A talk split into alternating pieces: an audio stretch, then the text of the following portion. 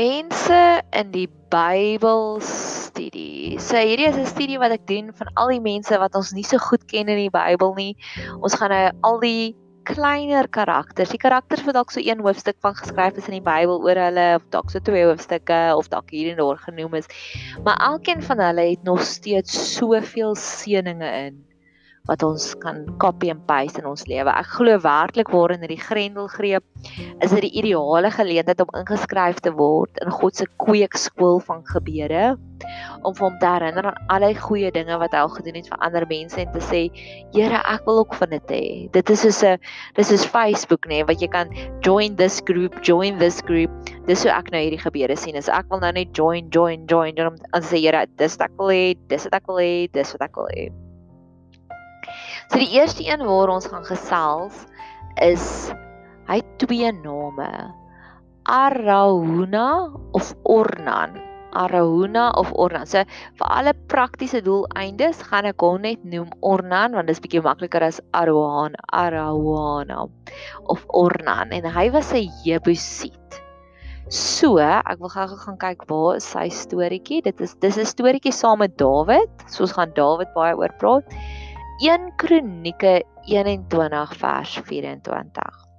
So, Dawid was 'n Israeliet. So ons weet was Israeliete, Israeliete het gekom van Abraham en dis hulle nages Abraham se nageslag het die Israeliete en net as Moses en eventually het ons vir Jesus gekry.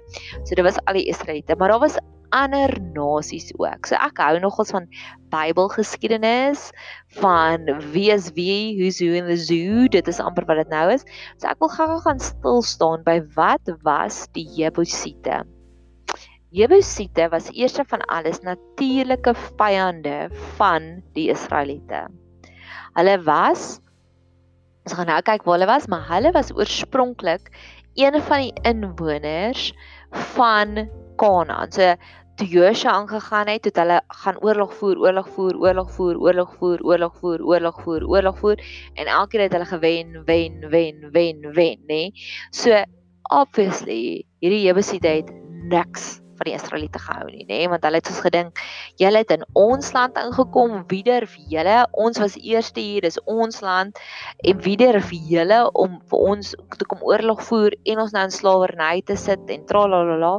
So daar was dit die natuurlike onderliggende rasisme tussen die Jebusiete en die Israeliete. Ander dinge wat uitgestaan het tussen die Israeliete en die Jebusiete of wie was die Jebusiete? Noag het 3 kinders gehad. Sem, Gam en Jafet. Nou Gam was die stouter. Hy was die rebel. Noag het per ongeluk 'n bietjie te veel wyn gedrink en toe hy dronk geraak en uitgepaas en Gam, die stoute die rebellie boetie, het gegaan en gaan lag en gespot met sy pa. En toe Noag wakker word en Gam en ekskuus Sem en Jafet het die pa se eer gaan beskerm. Hulle het Noag se eer gaan beskerm en hulle het 'n kombersie oor hom gesit. En dit het hulle gesê om die pa se se se se kaalheid te bedek. En dis waar daai ding dat kom van gebed bedek meer gesonde. En in elk geval en toe toe Noag wakker word het hy gehoor wat dit gebeur. Het hy gesê: "Gam, jy's 'n stouterd." En en Sem en Jafet, julle is die goeies. So op daai stadium met Noag en seëning en vloeke het verskriklik baie krag gedra. Op daai stadium maar nog steeds ook. Ek dink dit ons besef dit nie. En Noag, pappa Noag het die stoute boetie Gam vervloek en hom weggestuur en vir Sem en vir Jafet het hy geseën en gesê julle is goeie kinders, julle sal voorspoedig wees en Jafet het begin om Jafet was die vader van al die Europeërs en Sem was die vader van al die Israeliete. Dis waar die woordjie vandaan kom van semitisme, antisemitisme kom van Sem af, semitiese volke. Al die Jode het van hom af gekom en Gam het hy gestuur na Afrika toe. En een van die volke of die la, die rasse wat uit Gam uitgekom het, was die Jebusiete. So jy kan sommer nou dink, hulle was al van die begin af was hulle vervloek. Hulle was natuurlike vyande. keer op keer van die Israeliete. En die derde ding is, daar was hierdie een verskriklike die Jebusiete was baie bloeddorstige mense en daar was hierdie een koning Adonisik en toe die toe toe Josua hulle hom gevang het, het hulle al sy tone afgekap, sy groot toon afgekap, want dis wat hy gedoen het met almal wat hy gevang het. So hulle was regtig waar die Jebusiete was verskriklike bloeddorstige mense. Dis nie mense met wie jy vinnig in Ja, jy wil nie met hulle in 'n bar fight kom nie. Dis waar op dit neerkom nie. Jy gaan sleg tweede kom. Hulle was krygers, hulle was bloeddorstig, hulle was inhumane. Hulle was nie dit was nie die goeie gesofistikeerde nasie nie, nê. So dis die agtergrond van die Jebusiete. Nou Ornan was die koning van die Jebusiete. So as jy nou al hierdie goeters ding van bloeddorstige mense, hulle vang die mense, hulle kap hulle tone af. Hulle is nie mooi met hulle prisoners of war nie. Hulle is regtig waar hulle is bloeddorstig. Hiersoos waar ons nou ons storie nou begin. So sit dit gou-gou op die agtergrond dis wie die Jebusiete is en die koning Ornan is een waar ons nou gaan gesels. Op hierdie stadium was Dawid 'n bietjie stout. Dawid het iets baie egosentries gedoen. Dawid het gedink, mm, "I'm the dude, ek's die koning."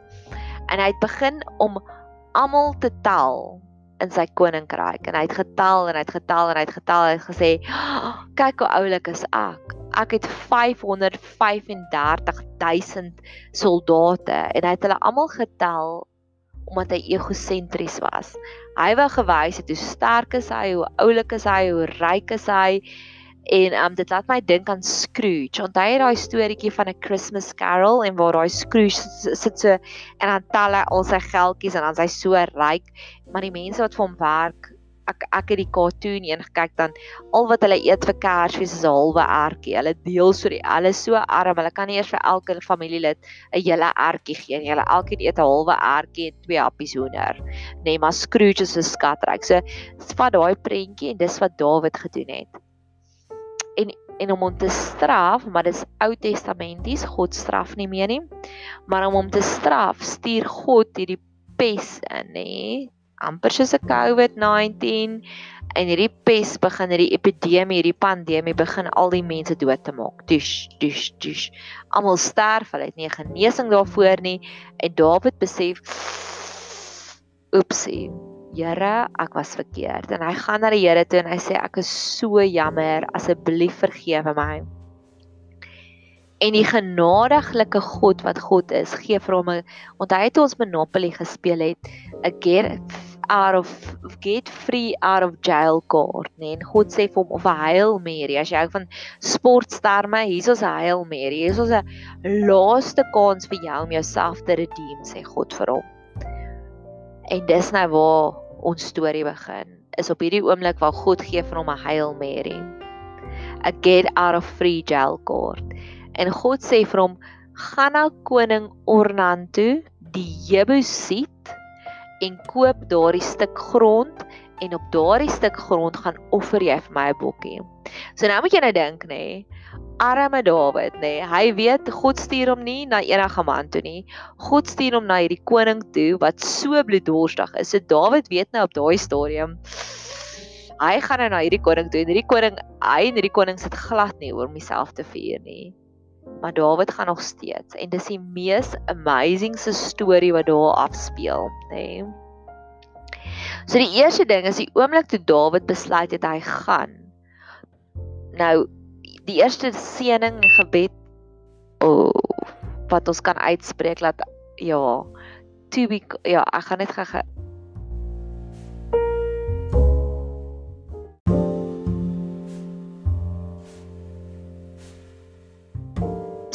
eerste blessing wat ek graag oor jou en oor my wil uitspreek.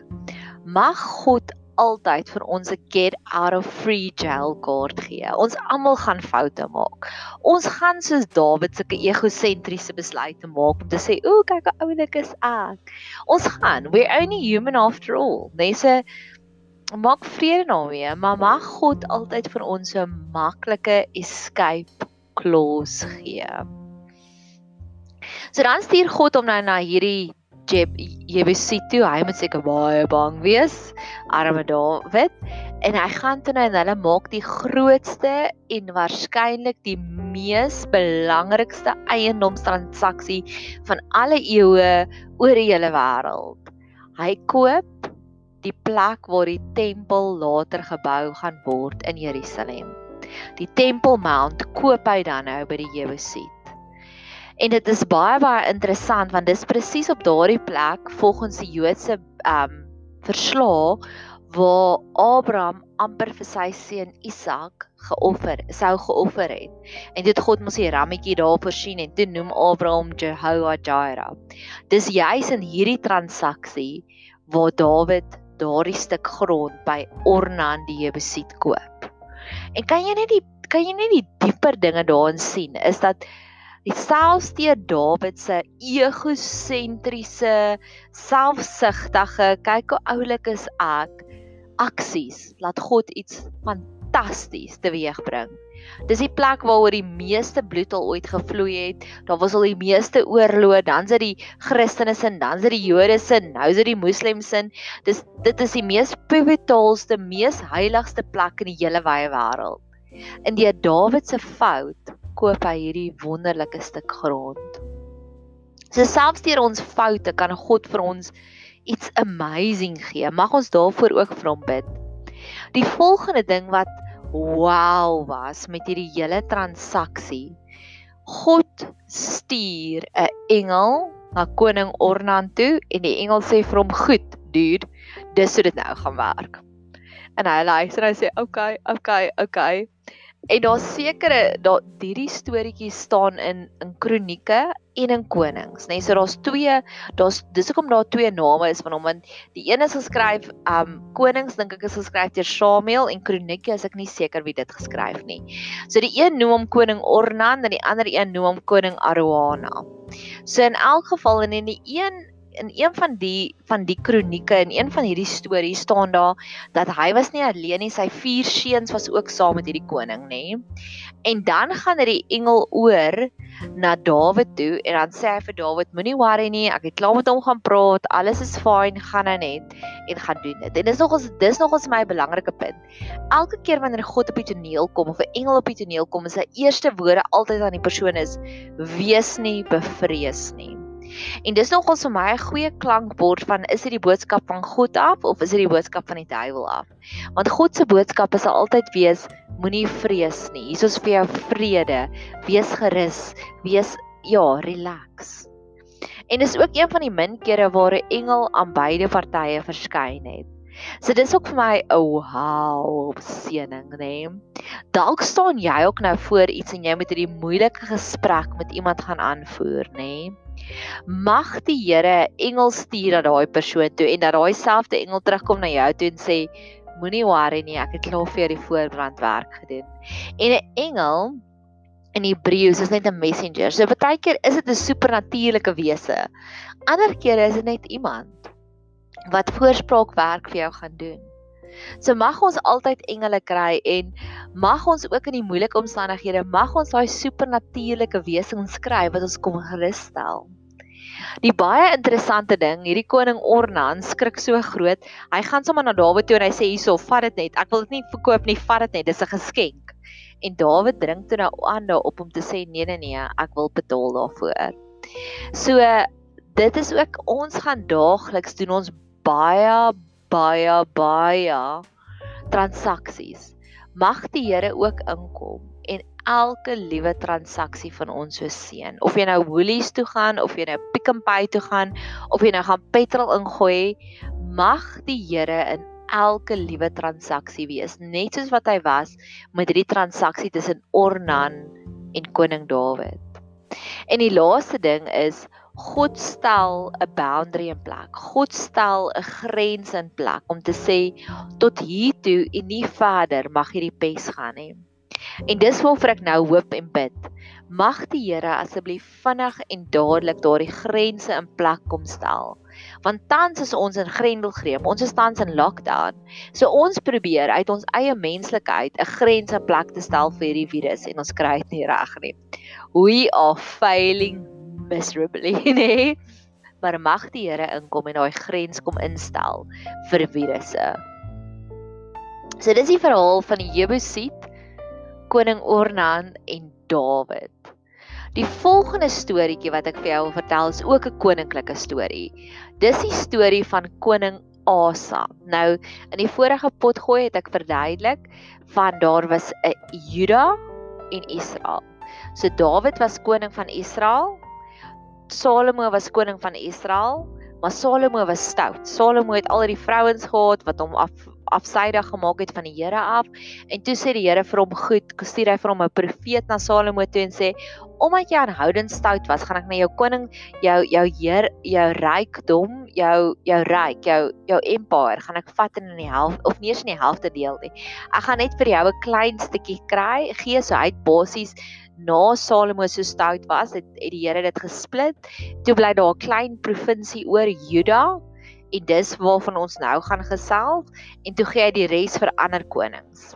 Nog steeds vir Israeliete, maar dit as jy gaan kyk na die geskiedenis, al die konings van Israel was gewoonlik was hulle bad konings en die konings van Juda was of soms goeie konings of soms slegte konings en is uit die bloedlyn van Juda uit, uit daai ryk uit waar Jesus gebore is. So koning Asa was ook een van die Juda konings. So party van hulle was goed en ander van hulle was sleg. En koning Asa was regtig ware baie baie goeie koning. Hy het ingegaan en hy het gaan spring clean. Hy het self sy eie ma gesê gaan uit my koninkryk uit want almal wat afgode gedien het, het hy uitgejaag. Hy het al die skanseens, dit is prostituie vir die of ja, vir vir vir vir die pagans vir die heidense nasies. Hy het hulle almal uitge uitgedryf en hy het die hele volk het hy weer daar terugdraai na God toe. En omdat hy dit gedoen het, het hy ongelooflike baie seën gekry van die Here af. Daar was gereeld oorloë en een keer was daar hierdie oorlog van hulle was omtrent 300 000 mense en daar was 'n miljoen baddies wat teen hulle sou oorlog kom voer. So dis insiggewend hoe God die heeltyd aan die kant is van die underdog, aan die buiteperk. Dis die Afrikaans vir 'n underdog. En keer op keer op keer op keer help God die underdog. En dis wat ek soveel kere vir mense nou sê want almal sê jy's nou met hierdie COVID-19 en die coronavirus is ooh as Italië wat 'n eerste wêreldse land is nie eers dit kon in perke kry nie hoe gaan ons en dan voel ek net by die Here is altyd aan die kant van die underdog. En hierdie koning Asa hou aan om te wen en te wen en te wen. Want die heeltyd roep hy die Here want die Here eer hom so dat hy kan dat hy gespring kleen en dat hy al die gaga uit Israel uit weggedryf het. So dis ook wat ek nou tans met hierdie grendelgreep konstant vir die Here vra om te sê Here, ek spring clean nou fisies my huis, maar indien daar enige geestelike dinge is wat ek moet kom spring clean, wys my asseblief, maak my asseblief attent daarop, want hierdie is juis nou 'n tydperk vir spring cleaning, net soos wat koning Asa gedoen het. Want koning Asa se seëninge het vir jare daarna dit ons steeds aangehou gaan omdat hy daai tydperk afgestaan het om te spring clean sy koninkryk. En as gevolg van dit het hy keer op keer oorwin. En ek wil afsluit met koning Asa se storie. Die hartseer deel is en ons het nou-nou ook daaroor gesels oor Abadjar. Dit was in een van die vorige potgoeis waar ek gepraat het van die een priester, die een dominee wat ontsnap het en hy het goed begin en toe eindig hy afslag. Nou koning Asa se storie is ongelukkig dieselfde. Want hy het soveel oorwinnings gehad die hele tyd waar die Here hom gehelp het. Maar op 'n stadium kom daar 'n kleiner weermag en hulle staan op teen hom en hy kry 'n ander nasie om te sê kom help my asseblief. So hy het bietjie bang geword. So hy het baie goed begin en dit hy ook weer sleg afgeëindig. En ek sien dit in myself ook en mag ek en jy leer om te stoktyk, nê? Nee? Daar is kere in my lewe wat ek ongelooflik baie op die Here vertrou het en dan ander kere wat ek bang begin raak, net soos koning Asa. En ek wil dit ook voor die Here se voete gaan neersit om te sê eers van alles vergewe my waar my moed my begewe het, waar my geloof gegaan het, waar ek soos Petrus begin sink het, die oomblik toe ek my oë van U af afgehaal het ek wil nie soos koning Asa sleg opeindig nie. Ek wil goed, ek wil hierdie reis klaar maak. En koning Asa op die einde van die dag omdat hy aanhou om bietjie te rebel en hy's bietjie harde kwas teen die Here, het die Here het hy geld gekry. Dis een van die eerste opskrywings waar daar geld is. So daar's sekere mense wat die die geestelike wortels gaan opsoek van siektes en hulle sê dat geld loop gewoonlik hand aan hand met mense wat so bietjie klein gelowig begin raak. Dis net so kant nota. Sê ja. So ons het gepraat oor Ornan en dit ons gepraat oor koning Asa. En die volgende twee is twee kortetjies. So ek gaan hulle ook sommer nou hier ingooi want dan het ek my doelwit van gister van 15 bereik. Daar was hierdie persoon met die naam van Azahel. Nou Azahel was een was weer eens by Dawid se tydperk. Hy was Dawid se sussie se seun. So lei dit 'n klokkie natuurlik doen dit. Want ons het vroeër ook van Abisai gepraat, daai baie dapper regter, vegter, ekskuus. En hy, so hy en Azahel was was boeties gewees. Nou wat ons kan onthou van Abisai is, almal anders was bang en Abisai het gesê ek sal saam met jou gaan. En ons het daar het ons die seëning uitgespreek om te sê mag ons altyd iemand kry wat saam met ons bereid is om saam met ons uit te gaan op avonture.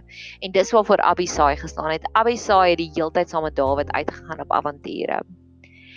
Azahel wat hom so belangrik gemaak het of wat hom so wow gemaak het, is hy het vinnige voete gehad. Hy was so lig op sy voete soos 'n bokkie. Ek wil gou-gou kyk of kan het ek daai skrifgedeelte. En so hierdie is vir al die atlete daar buite. Kan dalk het jy atleet, dan dan spreek jy net konstant oor hulle lewe uit om te sê, Here, maak hulle voete asseblief so vinnig soos 'n bokkie was lig op sy voete soos een van die gemsbokke wat in die veld is. So dis 2 Samuel 2. En dalk is jy, so dalk is dit 'n fisiese ding wat jy kan uitspreek, maar die tweede ding is ook, het jy al ooit gesien dat 'n bokkie trip en val? Nee, bokkies hardloop oor goeters en hulle is vinnig en hulle is rats. So dalk is dit ook 'n seëning wat ons ook oor onsself moet uitspreek in die in die geestelike riem om te sê al gooi die duiwel klippe en so aan voor ons mag ons is as Azazel wees wat vinnig op ons voete is. Dit is in 2 Samuel 2 vers 18. En daar was drie seuns van Seria, dis nou Dawid se sussie, Joab, Abisai en Asahel. En Asahel was lig op sy voete soos een van die gemsbokke wat in die veld is. So mag ons ook met enige geestelike uitdagings vir die duiwel voor ons sit, ook so vinnig soos die bokkie wees, soos Azahel wees, dat ons net vinnig woep swoep swoep oor dit kan gaan.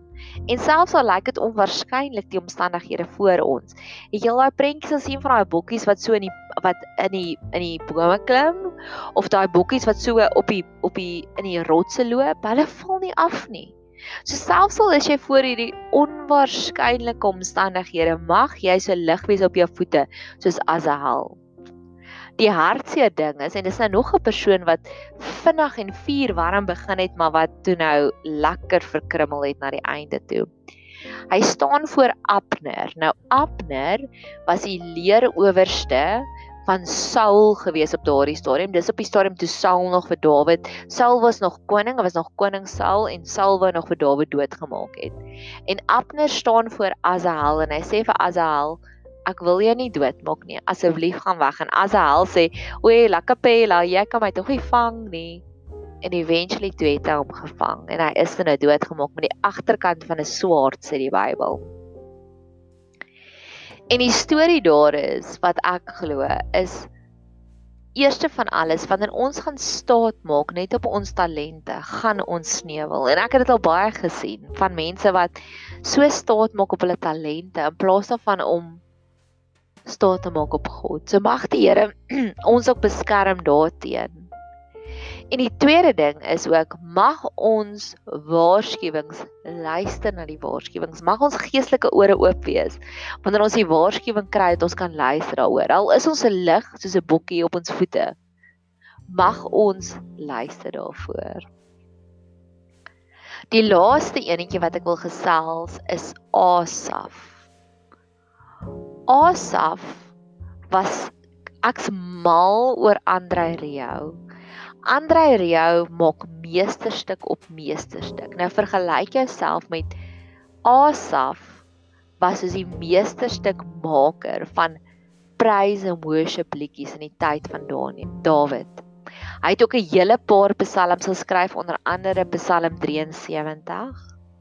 En toe die verbondsark teruggekom het, ek weet nie of jy al video's gekyk van hoe lyk die karnaval in um in Brasil nie. Hulle het die hulle het 'n hele week lank van partytjie en dan maak hulle vlotte en hulle gaan deur die strate. En hulle het so 'n 'n karnaval gehou in die strate van Jerusalem die dag toe die verbondsark teruggekom het mag ons meer sulke geestelike feesvierings hê soos dit Asaf gelei het. Mag God weer vir ons Asaf mense oprig nê nee, wat regtig waar by die Andre Rios is van worshipsdienste wat hulle 'n hele show kan opsit. Asaf was betaal deur koning Dawid om heeldag en aldag net konstant in die tempel prysgesange vir God te skryf en te sing So daar's twee beloftes. Waarvan is ons regering besluit hulle gaan prysgesangers aanstel om net die hele tyd vir God te verheerlik. Hoe amazing sal dit wees. En tweede van alles wat dit ook vir my sê is daar moet 'n tipe beloning wees. Fisiese beloning vir wanneer ons vir God prys. So ek is op soek na die Asa wat karnavals hou omdat God ons gehelp het en juis nou, juis nou in hierdie grendelgreep mag ons meer en meer die Asaf sien As jy meer wil lees oor Asaf, sy verhale is in 1 Konings 1 Kronieke 15 vers 17. Mag jy 'n super geseënde dag hê verder. thank you